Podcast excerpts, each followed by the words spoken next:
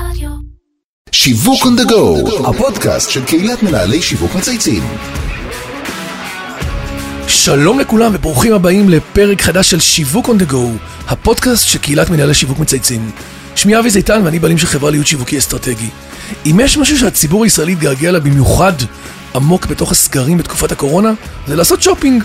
ולמרות שהרכישות אונליין צמחו ושברו את כל השיאים, החוויה הזאת של להסתובב בקניון או מרכז קניות, להתבונן בחלונות ראווה, להושיט יד, למשש, להרגיש את הסחורה, למדוד, אין לה תחליף. בישראל יש למעלה מ-500 מרכזי מסחר שמתחרים זה בזה, וכדי להמשיך להיות אטרקטיביים, הם חייבים לפעול נכון ומדויק בהיבט השיווקי. אז אני שמח לארח היום את אלכס קפלן, מנהל השיווק של דיזינגוף סנטר, זוכרים? דיזינגוף סנטר האלמותי, שעשה פריצה מאוד גדולה בשנים האחרונות, ונדבר איתו על יצירת בידול בעולם של קניונים שעמוס מאוד באין סוף מסרים על עתיד של הקניונים, על העולם של האונליין. אהלן אלכס, מה נשמע? אהלן, תודה רבה, איזה כיף להיות פה. ממש, אני מאוד שמח שהגעת. פגשתי חברים בכניסה, ביציאה. נכון, אנחנו כבר ניסינו איזה תקופה לעשות את זה, נכון? הנה, הצלחנו בסוף. כן. אנחנו מגיעים בתקופה טובה בין הסגרים, בין הקורונה, קצת עולה, קצת בוא יורד. נהיה אופטימיים, הסגרים מאחורינו, יאללה, סבבה. אנחנו הולכים על דברים קטנים עכשיו, גמרנו, מיצינו את העניין הזה. אז לפני שנדבר על הסנטר, כמו שקוראים לו, נכון? אז אנחנו, ועל החוויה שמאוד מיוחדת בו, אני מאוד אישית מאוד אוהב ללכת עם המשפחה שלי, ובכלל, אה, אנחנו קצת נעשה, אה, נשמע עליך. אנחנו תמיד מתחילים את כל הפודקאסטים, אתה יודע, במימד האישי, על ניהול קריירה, על הבן אדם, תרגיש חופשי לשתף במה שבא לך, יש פה הרבה מאזינים בקהילה. בשמחה. טוב, אז אה, אני אלכס, אהלן, אני אה, כרגע מסיים ארבע שנים בדיזינגוף סנטר, וואו, אה, כמנהל שיווק. ארבע שנים שמרגישות כמו 40 שנה. אחד לגמרי. המקומות הכי אינטנסיביים שהייתי בחיי, באמת. עם פעילות יומיומית, אבל נדבר עליה אחרת, כן, אחר אבל, כך. אבל כל הכבוד, כי אבל, היום זה אה, ממש נראה טוב. כן, אני מסכים. כן, באמת. עבודה קשה. אני בן 49, מגבעתיים, נשוי לטנקיסט, שבא אחרי אבא שלו שהיה טנקיסט, אה, ועוד בן בן 15, לאישה צ'לנית. יפה. המקצוע השני שלי זה לשים את הצ'לו שלה על הגב אה, ולסחוב. אתה הסוחב, כן. אני הסוחב. התחלתי את הקריירה כעוזר פרלמנטרי של. דליה איציק לפני הרבה לא מאוד. שנים. כן. בדיוק עכשיו יורית הדסה, אני יורית עובד איתה. הדסה, כן. זה היה אחד מבתי הספר הטובים ביותר לפוליטיקה, לשיווק, ליחסי ציבור. איזה יופי. כמעט לכל דבר, כמות המידע ששאבתי משם היא אדירה. אחר כך הייתי 14 שנה במשרד להגנת הסביבה, באתי עם דליה לשם ונשארתי, כן, יפה. אה, ומשם עברתי להיות מנהל שיווק של פארק אריאל שרון. שגם אני זוכר. כן, כן, אבל הוא עשה שם עבודה מאוד יפה, עושה עבודה מאוד יפה בהשקה. היית בהתחלה. היינו בהשקה, שבעצם כן. המצאנו את ההר, המצאנו את השם. אה, בימים האלה בדיוק יש חוזרים מההופעות בקו רקיע, זה משהו שאנחנו המצאנו לפני. שמונה שנים עם ניר צוק ו- וכל מיני אומנים, אז עכשיו זה. חוזרים, מקום מופלא, ללא ספק. הוא יהיה, הוא יהיה אחד המקומות הכי יפים במדינת ישראל ביפר. ולחשוב איפה הוא התחיל, אתה אומר. כן. זה, זה איכות סביבה אמיתית, זה לקחת מפגע ולהפוך אותו למשאב ולמקור משיכה. הוא באמת מדהים, יש שם גם מרכז מבקרים נפלא. ש- זה פעיל. היום, בגיל שם הרבה ילדים. מגיעים הרבה מאוד אנשים. גם להר, לא, גם אבל למתחם זה- למטה. כן, הייתי שם פעם. כן. בהחלט מומלץ. אני אה, זוכר את. ההשקה הייתה מאוד פומפוזית כזאת, עם אה, מלא גימיקים ותאורות. היו ו- תאורות. כן, נכון, אני אה, זוכר את זה. הבאנו את הבמה של פרס ישראל, אה, הבאנו את ראש הממשלה לחנוך את זה, הבאנו את יאצק, את כל מי שצריך כדי להעלות את זה על המפה. אחר כך הייתי באופרה תקופה של שנתיים, וואי, אתה מהשיווק של האופרה. ממש וואי generation מה קלאסי. שנקרא, זה אופרה אחרת. אופרה אחרת. כן. אין קלישה יותר, כן, יותר לגמרי. נוראית מזה, אבל לא נורא. אה, ומשם הגעתי לדיזינגוף סנטר. אחלה track record, מעניין, מגוון, שונה. גם, לגמרי. גם במה שנקרא מוניציפלי, גם אה, באמת אה, גם ממשלתי, ממשלתי, גם גופים אה, אחרים. B2C, גם אה, B2B, הכל. לגמרי, ובאמת הסנטר מרכז את כל המידע הזה שאספתי במהלך השנים מכל המקומות, עם צורת ניהול שהיא שונה, עוד נדבר עליה בהמשך, צורת ניהול שהיא אחרת מכל מקום שנתקלתי, באמת יש שם בעלים. אה, שהם יוצאי? דופן, למשפחת פילץ, לדן ואלון פילץ, פילץ הם הנכדים, כן, של המיתולוגים. אה, שזה זוג אנשים, קפה פילדס, נכון? נכון, כן. שהם הכי מיוחדים שפגשתי בימיי, והם הבוסים הכי מדהימים שאפשר. שמישהו יכול לבקש. לא הרבה אומרים ככה לבוסים שלהם. אני מסכים לא ישבו איתך. פה הרבה שאמרו את זה. אבל הם הרוויחו את זה בכל, בכל דקה הם. מרוויחים את זה גם. תן לנו עוד פרט פיקנטה, אנחנו אוהבים תמיד עוד איזה נתון כזה, משהו שלא מכירים, עוד איזה משהו מעניין עליך? שלא מכירים, הייתי הכתב הכי צעיר של עיתון ארצי במדינת ישראל. בגיל 15 הייתי כתב של חדשות, מי שזוכר, בטח. מה זה חדשות? כתב אזורי, אני מערד במקור.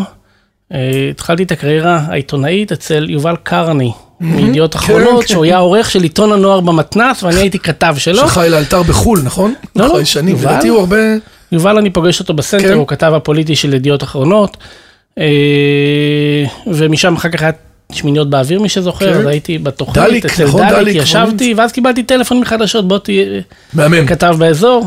עוד לפני כל אבל, הטרנספורמציה וכל התוכניות וכל הדיגיטל, אתה אומר אפילו אפשר היה לקבל את זה מערוץ אחד. כן, זה ערוץ שעשה הכל. אז אלכס, עולם הקניונים, התחלנו לדבר עליו בישראל, הוא באמת אוקיינוס אדום, עמוס מאוד, ונראה שבכל מקום שאתה מגיע יש עוד קניון ועוד מרכז מסחרי, כזה או אחר במרכז הליכה, נכון? כולם אה, משתדלים לייצר תמהיל טוב. איך בסוף מצליחים לייצר בידול לעומת קניונים אחרים? אתה יודע, זה אה, שוק מאוד תחרותי. דיזינגוף סנטר הוא היה מרכז הקניות הראשון במדינת ישראל. ובגלל החטא הקדמון, הראשון אפילו לפ- אה, לפני, נכון, אפילו לפני. הראשון. כי תמיד אתם לא אומרים את קראו זה, קוראים לקניון כי איילון. לא קראו לו כאילו. קניון, נכון. קראו לו מרכז מרכז- קניות. כן.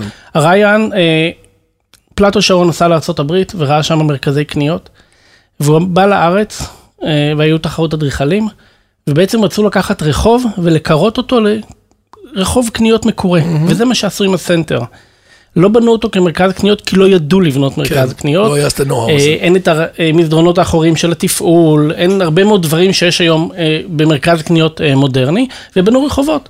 הרחובות מעבירים אותך מצ'רניחובסקי לדיזינגוף, ואתה לא יודע באיזה מפלס אתה, זה חלק ממש, כן, מהקסם כן. של הסנטר וכמות הבדיחות על איפה נכנסתי, איפה. יצאתי, וכן. רק על זה אפשר לדבר פה בערך שעתיים כן. אה, וכולי. ולכן גם אה, חלק מזה שמכרו את השטחים שלו. היום חלק גדול מהחנויות הן בבעלות פרטית. וואו, לא יודע, ש- לא ידעתי. אפילו יותר מ-50% כן. בבעלות פרטית, מה שאומר שלהנהלה ממש של טאבו, דיזינגוף כאילו, יש סנטר, לי כאילו כן, שלי. כן. אין את היכולת האמיתית לשמור אותה ולהחליט איזה תמהיל כן. של חנויות היא רוצה. עכשיו, זה לפעמים חיסרון, ולפעמים זה גם יתרון. זה גורם שיש הרבה מאוד תחומים שהם במקומות אחרים לא מפותחים, כי זה אנשים עם החנויות. כן. מצד שני, גם הסנטר הרבה פעמים ידע להוביל כל מיני מגמות. אה, את מגמת הסלולר, הוא היה הראשון שבאמת היום 12 חנויות של נכון, סלולר. חנויות סקס. איפה כן. היה פעם חנויות סקס? עדיין אה, יש במרכז- הרבה? יש עדיין שלוש, והן פעילות. מה עוד אה, מעניין בתמהיל? חנויות של קעקועים, כשפתחו נכון. חנויות קעקועים אמרו, רגע, למי זה פונה? מה זה זה הדבר הזה? היום זה מיינסטרים לחלוטין. ובאמת הסנטר אבל זה היה כל weirdo הזמן... בהתחלה, כן, נכון. זה היה weird, אבל היום זה מיינסטרים, כאילו, אבל עדיין לא תראה את זה במקומות אחרים, כי לפעמים העלויות יהיו גבוהות מדי. בסנטר יש נכון. גם אה, שוני מאוד גדול בעלויות של הנכסים בין ה prime location למקומות אחרים, וזה מאפשר להרבה מאוד אה, אה, עסקים קטנים וייחודיים להיות שם, בעצם. ועדיין החלק מהייחודיות וה-DNA שדיברנו של הסנטר, ש-40% מהעסקים הם עסקים פרטיים. ואז הם מביאים את הלקוחות שלהם, את הייחוד שלהם, ואת הבן אדם שנמצא הם מאחורי עובדים הקופה בשיווק. כל הם החיים. צריכים להתאמץ, להביא traffic. אה, הדבר השני, שהסנטר לא לוקח את עצמו יותר מדי ברצינות. והוא אומר את זה בצורה אמיתית. אנחנו לא חיים כל היום על המספרים ועל ה data ולנתח כל אחד על השקל כמה הוא הוציא בכל חנות וכולי. אנחנו חיים את האנשים, מפתיע. אנחנו מרגישים את האנשים, אנחנו מסתובבים. כן. פרט מעניין, במשרדים שלנו אין שירותים. עכשיו, אין שירותים במשרדים מתוך בחירה שאנחנו, כל המנהלים, נצא לשירותים הציבוריים בסנטר, נפגוש אנשים. בדרך, נראה שהם נקיים, כי אם הם טובים לנו, אז הם טובים לכל אחד מהקהל שלנו, וזה גם כן מחשבה שעובדת בצורה אחרת. כן, יש פה חשיבה שונה באמת. כמו שאמרתי, חוזר כן. למנהלים שחושבים קודם כל על בני אדם. by walking around. אתה בעצם לגמרי. גם רואה לקוחות, גם רואה טיב האיכות והניקיון, גם חוזר למשרד ובעצם אה, עשית סיבוב. דבר נוסף שאנחנו מתמקדים בו זה יצירת תוכן. כלומר, אנחנו בסוף מאמינים שאנחנו רוצים לתת חוויה, ושהסנטר הוא חלק אינטגרלי מהרחוב. היינו הראשונים שאפשרנו לכלבים להיכנס אה, לתוך מרכז קניות. זוכר את זה, פריצה גדולה. בע- בעקבותינו הלכו אחרים, כמו הרבה דברים שעשינו, ובעקבותינו הלכו אגב. זה אחרים. בידול, כן. מה זה? זה בידול. כן. כשקרה לי יודע, אני זוכר שחברים היו אומרים לי, אני נכנס לדיזנגוף כי אני יכול להביא את הכלב שלי, זה בידול. אתה יכול להיכנס עם הקורקינט. כן. היום אנחנו מבינים שאנשים, הקורקינט הוא חלק מהם, הם מפחדים לשים אותו בחוץ, אז אתה נכון. יכול לא לרכב עליו, אבל ללכת איתו בתוך הסנטר. יש משהו שאתם לא מאפשרים? יש דברים שלא מאפשרים, משהו שהוא לא חוקי לא מאפשרים, כן. אבל באמת משתדלים אה, לתת מקום לכל קהילה ולכל אחד שרוצה להיות הוא עצמו, להסתובב בסנטר ולהיות הוא עצמו, אתה לא תראה אותנו מגרשים אף אחד, ואתה נו- מקבלים ואתה את זורם עם. כל סגמנט, אתה יודע, אנשים של פנטזיות של אחרים, אתה יודע, קהיל- קהילות מסוימות, כאילו, אתה ממש כאילו פונים להרבה מאוד. אנחנו פונים לכל הקהילות ואנחנו בית לכל הקהילות. אה, כל עוד הן לא עוברות איזשהו כן. גבול מסוים. אבל אנחנו בהחלט אה, מחבקים אותם, וזה חלק מה-DNA לתת לכל אחד להיות הוא. היינו הראשונים שקיבלנו את הגאה אה, של עיריית תל אביב לעסקים, היינו עכשיו הראשונים שקיבלנו את התו הירוק לעסקים, אנחנו נדבר על קיימות שהוא ערך אה, מרכזי בסנטר. תראה, יש לכם הוא גם. כן אה, מבדל אותנו. אז כל הדברים האלה ביחד עם התמהיל הייחודי, האירועים שעוד נדבר עליהם, הם שיוצרים את ה-DNA התל אביבי. ובאמת אנחנו רואים שהתל אביבים אוהבים את דיזינגוף סנטר, הוא לא נחשב קניון, אנחנו גם לא קוראים לעצמנו קניון, הסנטר. יפה. מאוד מעניין, מאוד מעניין, כי אני בטוח שמי ששומע אותך עכשיו, אתה יודע, במאזינים בקבוצה, לא, לא כולם הכירו את כל ה... מאחורי הקלעים שלכם, ומה קורה באמת בתוך המפעל, הבעלויות, התמהיל, השוני, ה purpose, הסגמנטים, הת- האיחוד במקום הזה. ובכלל, לדעתי, העדנה שהמרכז עובר, כי הוא, אתה יודע, הוא היה בשתי גרסאות. היה גרסה טובה, היה יש פתאום לו ups, dropping. ups and downs, כמו, כל כמו? לכ, כמו לכל אחד. כן, היו לו גם כמה טראומות קשות שהוא עבר במהלך. השנים, היה את כן. הפיגוע, נכון. היה בו שריפה שחצי ממנו נשרף נכון. הרבה מאוד שנים. לפני כמה שנים זה? אה, השריפה, אני לא זוכר במדויק, הרבה. אבל הרבה מאוד שנים. אבל אני חושב שבעשור האחרון אה, הוא הצליח אה, לחזור למרכז הבמה, להיות. אטרקטיבי מחדש. היום אנחנו במצוקת שטחים, יש לנו דרישה אדירה לשטחים די. שאנחנו לא יכולים לספק. די. כשמסביבכם יש כל כך אה, הרבה אני- מקומות. ברמה יומית שאני מקבל טלפון, יש לכם וואו. 400 מטר לזה, יש לכם לזה? אמן והיה לנו, אין לנו יכולת, זה מה חלק אם ממה להחליף שאמרתי. קצת? מעבר ל-40 אחוז פרטיים, חלק אבל מהבעיה, בדיוק, שאת הפרטיים. הפרטים, לפעמים אתה, זה הפנסיה של האנשים, הם לא רוצים מצד לצאת. שני, אם לא הולך. לו כל כך, נניח, או שהעסק לא מספיק טוב, אתם לא תמיד באים ואומרים לו, כמכונת שיווק ומכירות, חנות בוא נביא לך. אז זה חנות של 30 מטר, כן, אנשים לא רוצים היום 400, חנ- חנויות 300, גדולות, כן, אה, רשתות. ויש מצוקה. אה, ואנחנו לא יכולים לענות על הביקוש, אמן שזה ימשיך ככה, אבל זה, עם זה מתמודדים, וזה גם תסכול מאוד גדול. כן. אלכס, תגיד, הקורונה פגעה קשות בקניונים עצמם. אה, מותגים ורשתות ובעלי עסקים, אתה יודע, ששכרו חנות, ואני מדבר על לקוחות שלך, שלכם. חלקם הצליחו למצוא פתרונות בדמות e-commerce ומשלוחים, אבל הקניונים עצמם היו סגורים ומסוגרים. איך אתם מתמודדים עם המצב הזה? דיזינגוף סנטר לא היה סגור אפילו ליום אחד. כי הוא לא מוגדר. היום היחיד שהיה לא סגור מוגדר. זה הייתה איזו התראה של פיקוד העורף לארבע שעות לסגור אותו, וחוץ מזה הוא היה פתוח כל הזמן. היו, רוב החנויות היו סגורות, אבל עדיין, בכל רגע נתון, אה, לפחות 50 עסקים היו פתוחים, רובם הם עסקים שמוגדרים אה, כחיוניים. יש לנו אה, בתי מרקחת, יש לנו חנויות מזון, יש לנו חנויות בעלי חיים, יש לנו בנקים, יש לנו סלולר שהוגדר, אז הרבה מאוד. וגם הדברים שהם לא הוגדרו כחיוניים, אנחנו פיתחנו מערך משלוחים, אני חושב שבשבוע הראשון של שאתם הסגר, בניתם אותו? שאנחנו בנינו, הרמתי טלפון. לחברת שליחויות, אמרתי לו, איפה. המנכ"ל, תגיע. אמרתי לו, רואה 320 חנויות, הם מבחינתך חנות אחת. אני רוצה לשלם על כולם כחנות אחת, אתה מתייחס אליהם כאל חנות אחת, נותן לי מחירים של מסה, ואז התחלנו את החנויות לשכנע אחת-אחת להתחיל להוציא משלוחים. עכשיו, היות וחנויות ברובם הן פרטיות, אז הן מוציאות מהמלאי שלהם. ואז היית יכול להתקשר לחנות, הבן אדם היה נמצא, היה מגיע שליח, לוקח את החבילה מהחנות, ולוקח, זה עבד מאוד יפה, יש כמה חנויות שממשיכות עם זה, אבל היה מענה ראשוני. הסנטר גם כן, דיברנו על הבעלים, ויתר על אה, דמי ניהול לאורך כל התקופה הזאת, כדי להקל על סוחרים. כל הכבוד, ביוזמתו. ביוזמתו. למזלנו, אני חושב, חוץ משניים, שלושה עסקים שנסגרו בעקבות הקורונה, אה, לא היו עסקים אחרים, עסקים שהתקשו, עזרנו להם. אפילו הבאנו אה, משרד עורכי דין לעזור לסוחרים למלא את הבקשות להלוואות יפה. מדינה. יפה. כלומר, מבחינתנו, ואני חושב, אנחנו רואים את זה היום אחרי הקורונה, אנחנו משפחה אחת, כאילו, ולא כקלישאה. הם ואנחנו באותה סירה, אם הם יפלו, אנחנו ניפול, ולכן הרגשנו שאנחנו צריכים לעזור אחד לשני, ואני חושב שהיחס ההוגן הזה, אה, ולא יחס שמסתכל כל הזמן לראות כמה מרוויחים בכל נקודה, פתחתי את הדברים של זה, שאנחנו לא מסתכלים רק על הכסף. לא, לגמרי, אני- תפיסה מאוד מסתכלים יפה. על אנשים, אתם רואים את אה, העסק, מוכיחה את עצמה. רואים את העסק, אתם בעבורו, מרגישים שרואים אותם. עוד ולא- דבר מאוד ייחודי, למשל בדיזנגוף סנטר אין אה, חברות קבלן. כל העובדים שלנו, עד אחרון עובדי הניקיון ואחרון עובדי- המאבטחים, הם עובדים הם עובדי. חברה מלאים. כך שיש להם גם זהות ארגונית והם חלק ממי לגמרי, כן. ויש להם למי לפנות והם לא לבד, ולאורך זמן, גם אם בהתחלה זה עולה יותר, אז גם כלכלית, אחרי כמה שנים, זה משתלם, אבל זה משתלם מבחינת הנאמנות והתחושה של העובדים. יפה. תגיד שאפרופו קורונה ואונליין וקצת לקוחות זזו, נכון? לערוצים חדשים שהם גילו אותם מאוד בשנה וחצי האחרונות למול הערוץ ה physical מול digital. כשאתה מסתכל, ואתה נראה לי דווקא אדם שמסתכל קצת על מגמות, איך אתה רואה את העתיד של הקניונים בכלל כמקום לרכוש בו בעולם ההיברידי שאנחנו חיים בתוכו בשנים הקרובות? המילה היברידי היא המפתח. אה, ואני חושב שתמיד מדברים על היברידיות של שתי רגליים, של העולם של ה e-commerce, העולם של הקניונים, אני חושב שלעולם הזה צריך להיות שלוש רגליים. יפה. והרגל השלישית היא מה שאמרנו, שזה העסקים הקטנים שפותחים קופה וירטואלית. כלומר, אם אני היום יער אפיות, אני לא אפתח אתר שהוא אני עוד זוכר את זה עד היום, את האופיות אחת הזה. התחנות הקלאסיות. אה, אני לא. אעבוד עם אתר שהוא אתר אה, שעובד כן. סטנד אלון, שיש לו מחסנים ולוגיסטיקה, אלא אני יוצא מהחנות, ובעצם האתר הזה יהיה קופה נוספת של החנות. מאפשר החנות בעצם תמשיך לעבוד. לתת לחנות לפעול בעולם הפיזיקל, ונותן לה עוד בענן עוד אפשרות לצרוך אם כקופה. אתה קורא כמוני את כל העיתונים הכלכליים, אתה רואה שרוב האתרים הגדולים לא מצליחים עדיין להרוויח מזה נכון. כסף. והם לא מרוויחים בגלל הלוגיסטיקה. העלויות של הלוגיסטיקה, של אכן. השילוח, של המחסנים, אוכלת כל אפשרות להרוויח. לגמרי. ברגע שאתה מוציא את זה מתוך החנות, ועושה את האיסוף מתוך החנות, אתה מוריד לא את כל מחסנים, העלויות, לא בעוד עלויות, אתה מוריד. את כל העלויות האלה, אתה לא צריך פתאום את כל הניהול, אתה לא צריך את המלאים, אתה חי עם מה שיש לך, ואז אתה יכול גם להרוויח מהדבר הזה, ויש לך גם את החנות.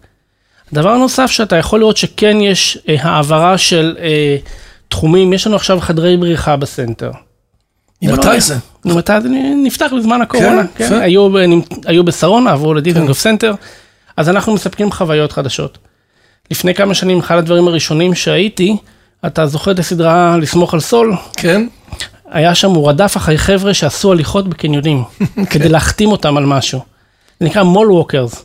העתקתי את זה. יש שם קבוצת הליכה של מבוגרים בדיזנגוף סנטר, סיפקנו להם מדריך במשך שנה, והיום יש כל בוקר, ביום שלישי, בשמונה בבוקר, קבוצת מבוגרים שעושים הליכה בתוך הסנטר. איזה יופי. יש לנו ריקודי ים למבוגרים, יש לנו משחקי ברידג'. למבוגרים. כן. הכל סביב יום שלישי, שיש את הבסיס של היום שלישי של המבוגרים בקולנוע וכולי, אז בואו ניתן להם עוד חוויות. בלב, נכון? וב... נכון, כן, שלישי בשלייקס, מה כן, שקוראים, כן, אז אנחנו. הרחבנו את זה, את השלייקס, שמנו גם מכנסיים וחולצה, עד הסוף שלייקס. ועוד כל מיני דברים, והנחות אה, בבתי האוכל, והנחות בפוט מסאז' באותו יום שלישי וכולי, הרחבנו את המעגל, וככה אנחנו מביאים עוד קהלים. לצעירים יש הרבה מאוד מה לעשות, תכף נדבר על אירועי הקיץ וכולי, אה, לקהלי הפנטזיה, יש מה לעשות אצלנו. אם תבוא מחר עם איזשהו רעיון שעושה לעשות יריד פרפרים כחולים, תעשה יריד פרפרים כחולים, אנחנו ניתן לך, ויש קהל לפרפרים כחולים, אני מניח. אחלה סגמנט. לא, באמת, הפרפרים לדעתי הכחולים. כזה עוד לא עלה במחקר, כן, אפשר למצוא לך תתי, תתי, תתי. כשאתה מסתכל באמת על התפקיד שלך, אז דיברת גם שיש לכם באמת סיפור ברמת הקיימות וה purpose, בוא נדבר על זה רגע, ועוד שנייה נדבר גם על קצת איך אתם מסתכלים על הקיץ ומה קורה בחודשים הקרובים. נושא הקיימות הוא אה, נושא שהוא אסטרטגי בדיזנגוף סנטר. אה, מלמעלה? מלמעלה, מהבעלים. אה, גם מדן וגם מאלון שלמדו את זה, נחשפו לזה והבינו שהעתיד הוא שם. העתיד הוא שם בשני מקומות. חברות שלא ילכו לשם, יהיה להם קושי לשווק. היום הערכים של נייקי ושל אדידס וכולי בחוץ לארץ הם מתנהגים בצורה אחרת מאשר הסניפים בישראל. הם מתייחסים לערכי קיימות בצורה אחרת, ואם הם לא עושים אותם הם לא יוכלו למכור. כן. מצד שני, קיימות יש לה שלוש רגליים, יש לה גם את הכלכלה, את הסביבה ואת החברה, והם ביחד יוצרים איזשהו אה, משולש, שאנחנו אה, רואים אה, כיעד אה, לגעת בשלוש הרגליים האלה. אם דיברנו על החברה קצת אה, וכולי מקודם, בקהלים וכולי, אה, בסביבה, דיזנגוף סנטר היה המפעל, סוג של מפעל היחיד, שהצהיר על אפס אה, פליטות אה, לאוויר עד 2028. ואנחנו כבר בהפחתה של למעלה מ-70 אחוז מהבסיס שלנו לפני עשר שנים, עושים את זה על ידי שתילת עצים, ויש לנו גג אקולוגי. אה, בשנה האחרונה 11 בתי ספר באו ללמוד בדיזינגוף סנטר, וואו. ובעצם פתחנו בית ספר לקיימות, אה, ויש עוד כל מיני הפתעות, וזה. לא, לא נולד כ greenwash, זה באמת אידיאולוגיה. שאנחנו גם מאמינים שבאיזשהו שלב כולם ילכו אחרינו, ואנחנו רואים כבר אחרים, גם מהקבוצות הגדולות, שבאות ללמוד ומקימות מחלקות כאלה ומשקיעים, אה, וזה באמת משהו שאנחנו מאוד גאים בו, אנחנו אפילו בקרוב, זה, הנה טיפ, שוקלים בסמל שלנו לתת התייחסות לנושא הזה של אה, הקיימות, ממש ברמה הזאת של ה-ID שלכם. ברמה הזאת, כי אמרתי, זה כן, משהו זה- שהוא אה, אסטרטגי. ב-DNA. הקדמתם את זמנכם, מה שנקרא, כי היום באמת זה הופך להיות חלק מאוד משמעותי, אתה יודע, בכלל. אנחנו כבר עשר אה, שנים פועלים בזה, אמרתי, אנשים- אנחנו תמיד בוא נדבר על הקיץ. קצת והארי פוטר, שזה מותג שנורא חבר אליכם, נכון? כן, אה? התחבבתם איתו. אמרתי בדיוק היום כשישבתי, חיכיתי פה בחוץ, אז הפייסבוק חברנו הטוב קפץ לי זיכרונות מלפני שנתיים שהתחלנו את הקמפיין של הארי פוטר.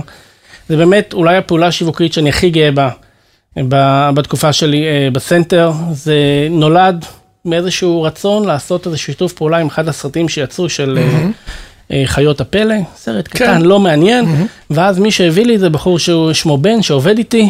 אה, ואמרתי לו, תקשיב, זה לא מעניין אותי, אני רוצה את הדבר האמיתי, את הארי פוטר. הוא אומר, אין הארי פוטר, אי אפשר כן, להביא כן. את הארי פוטר, כאילו, כן, זה לא כן, עובד. כן. אמרתי לו, אין דבר כזה. אין משהו שאי אפשר? כן. מי מחזיק את הזכויות? מי חברה החברה? מי שנקראת? LDI בישראל, יוסי פוקס, הלכנו אליהם. אמרו, אי אפשר להביא הארי פוטר. אמרתי, מי צריך לדבר? אנגליה, ניסע לאנגליה. הכנו מצגת, הגעת נסענו לאנגליה. לג'יי קיי רולינג? לא, כמעט. כמעט. ונסענו לאנגליה והסברנו להם מי זה דיזינגוף סנטר ומה היכולות שלנו. ובעבודה של שנה, הבאנו לפה מיצגים אורגינליים מהסרט. עשינו שיתוף פעולה עם ידיעות אחרונות ויצאה מהדורה חדשה של הספר. עשינו הקרנות. שזה חיבור multi, מה שנקרא, multi platform. גם ספר, גם שחקנים, זה גם פיזי. שנתיים של עבודה וחמישים שנה מהחיים. אה, כן, אה? כן. ירדו לך. ירדו לי עכשיו גם אנחנו על אירועי הקיץ שלנו, שהוא גם בדרך שגם לעובד. מתחבר לעולם הזה? גם לעולם הזה, אנחנו, היות וראינו כי טוב, אז אנחנו יודעים לפרוץ דרכים, אז הפעם פרצנו את הדרך עם אה, וורנר העולמית, עם סופרמן ובטמן ווונדר וומן, ואנחנו עושים אירוע רשמי ראשון במדינת ישראל של הדמויות האלה, מביאים דברים של הדמויות האלה, מביאים מה. להצטלם איתם, אז רגע, שומעים אותנו עכשיו, מתי זה מתחיל? ב-25 ליולי. ביולי, אז עוד רגע. עוד שבוע. ממש עוד שבוע. כן, אני מגיע הנה ורץ חזרה, אתה, לוודא מה שכל שנקרא, הדברים באמצע קורים. ההפקה. אתה עושה בר הפקה מצווה. מטורפת, בר מצווה.